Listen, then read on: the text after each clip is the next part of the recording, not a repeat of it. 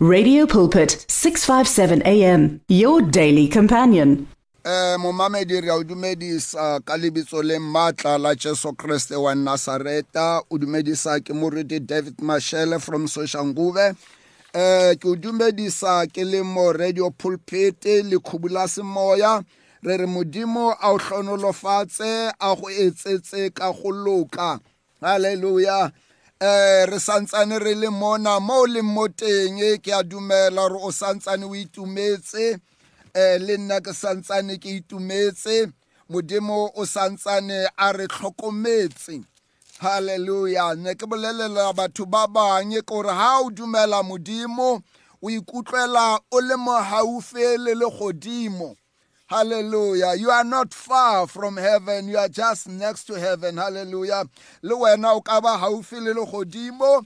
Ha o le haudimo haufi le legodimo, o fumana o sireletsegile, o ifumana o na le lethabo, o iphumana o na le khotso, ebile hape hape o iphumana dintho tsa hao di tsamaya ha monate because you are just next to heaven and then legodimo le a o hlokomela legodimo le a o sheba legodimo le go etsetsa ka o loka legodimo le a go smilela halleluja le wena modimo wa ka a o hlonolofatse modimo wa ka a go etsetse ka go loka. Re santsane re le mo radio pulpit um ka tseno re nyaka go bolela ka go dira kgatlanong le manaba a hao. Uh, dealing with fear uh, dealing with your enemies. Uh, re a tseba batho ba bangata ba lebelela maemo a bophelo gore maemo a eme jang. Batho ba bangata ba lebelela gore letsatsi le tlhaba le le jwang. Amen.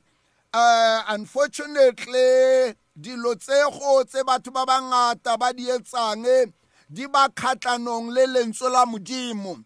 Because lentswe la modimo le bolela gore moloke o tla phela ka tumelo. Um moloke ha a depende mo maikutlong moloke ha a depende mo dinthong tse e leng gore di a bonagala ka matlho empa moloki o beya tshepo ya gage mo go modimo. So le wena re santsane re tlo bolela ya gore dealing with your enemies dealing with fear dealing with doubt dealing with some other things like disappointment dilo tse ngata tse etsang mo bophelong o ka kgona gore o emelane le lona le tsona ka tumelo. Um ka tseno ke tlo bolela ka tsela e re ka e bitsang gore ke tsela ya boporofeta kapa tsela ya seporofeta um a prophetical way. Re tlo bolela mona ka the principle of governing warfare. Uh, a principle is like ke molao kapa ke mokgwa mo e leng gore o tsamaisa taba ya ntwa jwang. Now modimo o, o, o strategic. Modimo o na le a plan. Modimo o na le tsela. Modimo o na le molao. Modimo o na le a principle. And we thank god ka lebaka lego because modimo ha re tlohele fela re le stranded. Modimo ha re tlole ha re tlohele fela re le confused. Modimo ha a re tlohele fela. Re sna tsela re sna le solution ya bophelo. Haleluya ke ka bolela ke re modimo eh ka dinako tso tsohle is a mastermind haleluya ka mantswe a mangwe o mastara maemo a mang le a mangwe a bophelo. He is a champion in life. Now re bala mo bukeng ya deuteronomio uh, chapter number 20 yona e bala ka tsela ena. Verse number 1 up to verse number 9 yona e re when you go out to battle against your enemies and see horses and chariots and people more numerous than you, do not be afraid of them. O ske wa bula, o ske wa, o wa boifa. Now fear is so dangerous because poifo ke yona satane a e berekisang haholo batho ba bangata ba bolaya ke taba ya poifo babele e re ha re tsamaya mo leratong. Lerato e re babele le tlosa poifo. Gobane poifo e re babele fear torments. Now motho o a leng tormented ha ana tshepo ha ana khotso ha ana le boroko. Go na le something se e leng gore mo go yena se ya mo tormenta. Se mo tlhokisa khotso se mo tlhokisa bophelo. Ke taba ya gore o a boifa ha ana le future ha ana le hope and then o a balabala.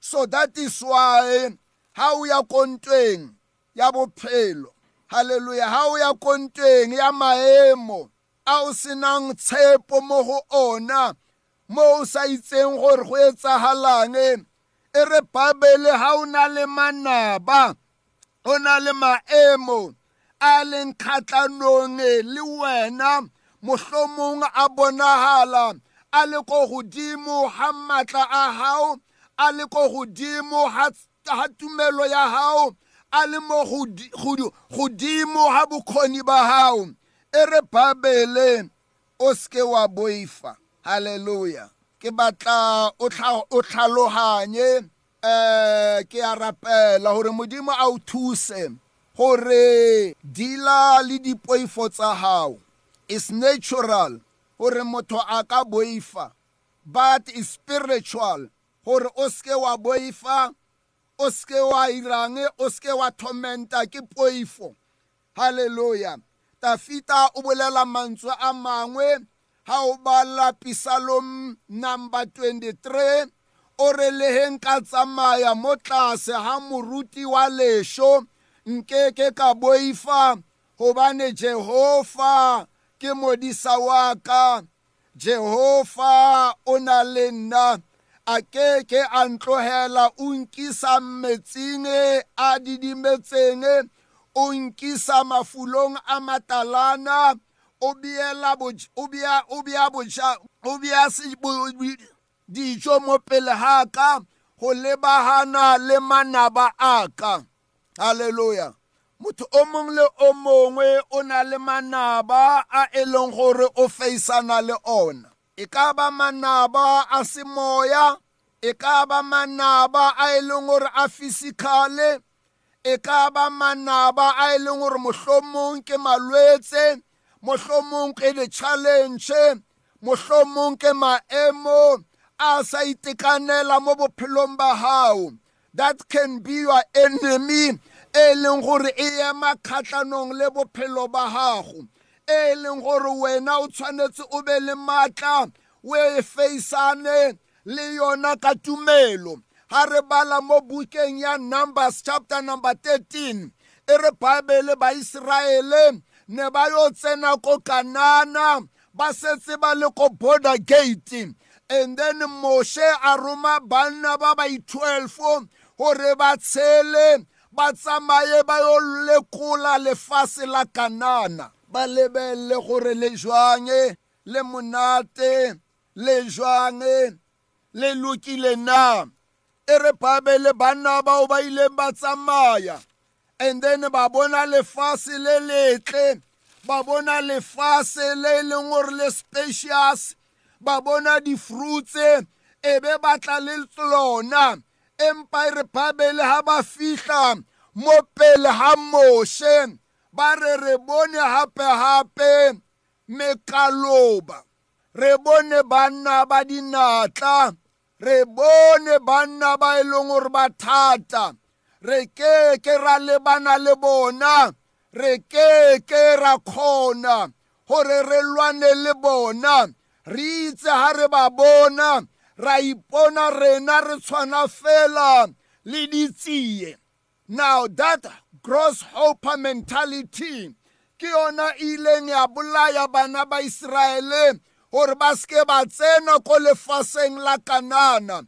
Because ba ile ba apesa ke poifo now fear is very dangerous. Ngwanesho i want you gore o tsebe as from today go ya ko pele gore o keke wa phela ka poifo and then wa phumella mo bophelong.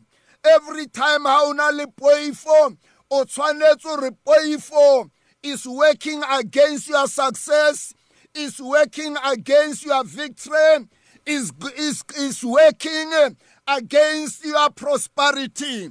Hallelujah. So re pele re verse number 1 re tsweletse pele le tse when you go out to battle against your enemies and see horses and chariots and people more numerous than you, do not be afraid of them. For the Lord your God is with you, who brought you up from the land of Egypt. For the Lord your God, hallelujah, is with you. Always, o tshwanetse o tsebe gore o tsamaya le mang?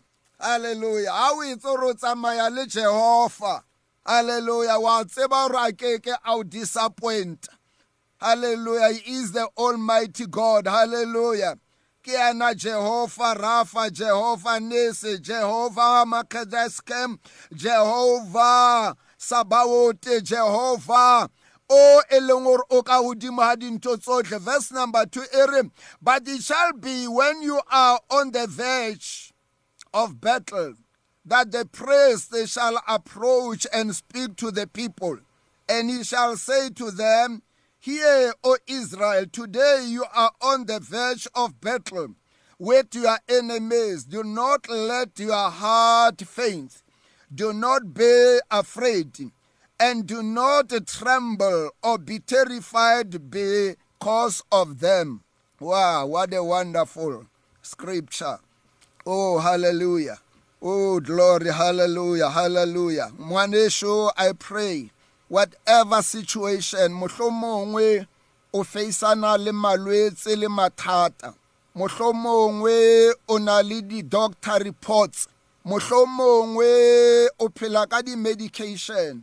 Mohlomongwe ba o botsitse gore 2023 e keke ya fela. mara ka tseno ke eme le wena ke bolela le wena ke kgopela gore o tseye maemo a o le mo go ona o a bitse ka lebitso o a bolelele gore wena maemo a bolwetse wena maemo a bothata. Ka tseno ke bolela lentswe la modimo. E re bible and he shall say to them hear o israel Today you are on the verge of battle with your enemies. bolella ntho eo lenaba leo leo feisaneng le lona. Bolella lenaba leo mohlomongwe le le leng mo mmeleng wa hao. Bolella lenaba leo mohlomongwe le le leng mo kelelong ya hao. Mohlomongwe bolella lenaba le le leng ka mo lapeng ya gago la hao o le bolele gore lenaba ka tseno ke eme mo pele ga gago ga ke boifi. Halleluja ka tseno ke eme mo pele ga gago ga ke thothomele. Ka tseno ke eme mo pele ga gago ga ke tšhetšhele morago ka lebitso la jesu ke a o laela gore tloga bophelong ba ka tloga mmeleng wa ka tloga kelelong ya ka tloga lapeng la ka. Tloga mererong ya ka tloga baneng ba ka. Ka lebitso la jesu wa nasareta tloga monneng wa ka tloga mosading wa ka. Ka lebitso la jesu kriste wa nasareta re a destroya manaba a otlhe a a o di kaganyeditseng re a wa destroya ka lebitso la jesu kriste ke a bolela ka lebitso la jesu gore manaba kao fela a ntseng a o setse morago a ntse a o di kaganyeditse a nyelele ka jeno ka lebitso la jesu wa nasareta halleluja verse number 4 for the lord your god is he who goes with you. To fight for you against your enemies to save you then the officers shall speak to the people saying what man is there who ha- has built a new house and has not dedicated it, let him go and return to his house. Let him die. lest he die in the battle and another man dedicate it re bolele ena ka maemo a o leng mo go ona. A o a faisetseng right now a o a faisetseng in this 2023 re a wa nyeletsa ka lebitso la jesu kriste wa nasareta ke lebeletse bible mo bukeng ya baahlodi. Ha modimo a bolella a bolella gideone gore gideone a ye kontweng halleluya e re bible gideone o ne a boifa gideone o ne a sena letshepo gideone o ne a sa tsebe modimo o ne a sa tsebe thapelo empa modimo o ile a tla a bolela le yena and then modimo a mo fa maatla modimo a mo fa bokgoni modimo a mo emetse a mo phahamisa. Ya e ba gideon wa tsamaya o ya kontweng kgatlanong le manaba a hae a bamidiana bamidianites ba ba neng ba gateletswe setšhaba sa iseraele empa modimo a ba fenyetsa. A re ke re ba le ngwaneso mo bukeng ya judges chapter number 6 re ba le verse number 11 yona e bala ka tsela ena. Now the angel of the lord came and sat under the terebinth tree which was in opera which belonged to joash the Abra, abizra abizrarite while his son Gideon threshing wheat in the winepress in order to hide it from the Midianites. And the angel of the Lord appeared to him and said to him, The Lord is with you, you mighty man of valor. Gideon said, Oh my Lord, if the Lord is with us, why then has all this happened to us? And uh, where are all his miracles which our fathers told us about, saying, Did not the Lord bring us up from Egypt? But now the Lord has forsaken and delivered us into the hand of the Midianites. Verse number 14 And the Lord turned to him and said, Go in this might of yours, and you shall save Israel from the hand of the Midianites. Have I not sent you? So he said to him, Oh, my Lord, how can I save Israel? Indeed, my clan is, the my clan is the weakest in Manasseh and I am the least in my father's house. And the Lord said to him, Surely I will be with you, and you shall defeat the Midianites as one man. Hallelujah. Hallelujah. Ngwanesho a ko bolelle gore irang.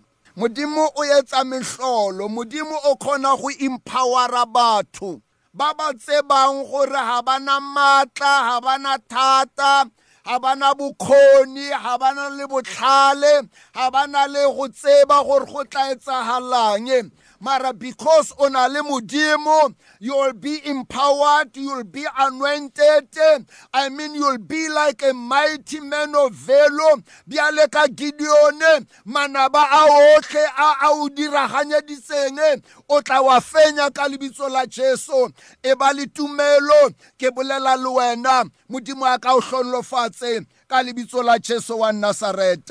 amen and amen. The words of the Lord are words of life. Your heart is on 657 AM. 657 AM. Radio for believers in action.